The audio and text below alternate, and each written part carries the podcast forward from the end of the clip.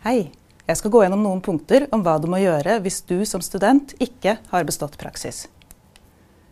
Du kan få ikke bestått praksis hvis praksislæreren din vurderer at du ikke fyller de faglige kravene til praksisperioden.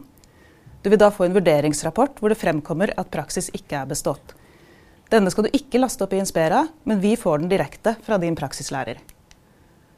Du kan også få ikke bestått praksis hvis du ikke gjennomfører hele eller deler av praksisperioden. F.eks. hvis du ikke møter til praksis i det hele tatt, hvis du avbryter praksis underveis, eller hvis du har ugyldig fravær eller fravær som ikke er tatt igjen i tide.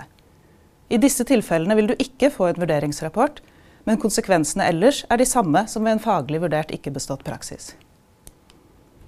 Så hva må du faktisk huske på hvis du ikke har bestått praksis?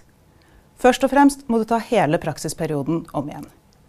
Hvis praksis har gått over både høst og vår, må både høst- og vårukene tas på nytt.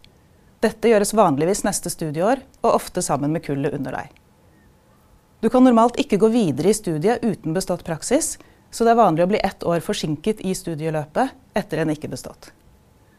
Det er også verdt å merke seg at du har totalt to forsøk på å bestå praksis. Så etter én ikke bestått, har du bare ett forsøk igjen. Uansett hva som er grunnen til at du ikke har bestått praksis, vil du etter hvert få et formelt vedtaksbrev fra Oslo OsloMet. I dette brevet vil det stå mer utfyllende om de punktene jeg har gått gjennom her nå. Og det vil også være oppgitt en frist for når du må ta kontakt med praksisadministrasjonen for å bekrefte at du ønsker å meldes opp til ny praksis neste studieår. Det er viktig at du leser dette brevet nøye når du får det. Og Hvis det fortsatt er noe du lurer på når det gjelder ikke bestått praksis, kan du sende en e-post til praksis-lui at oslomet.no så hjelper vi deg å finne ut av det.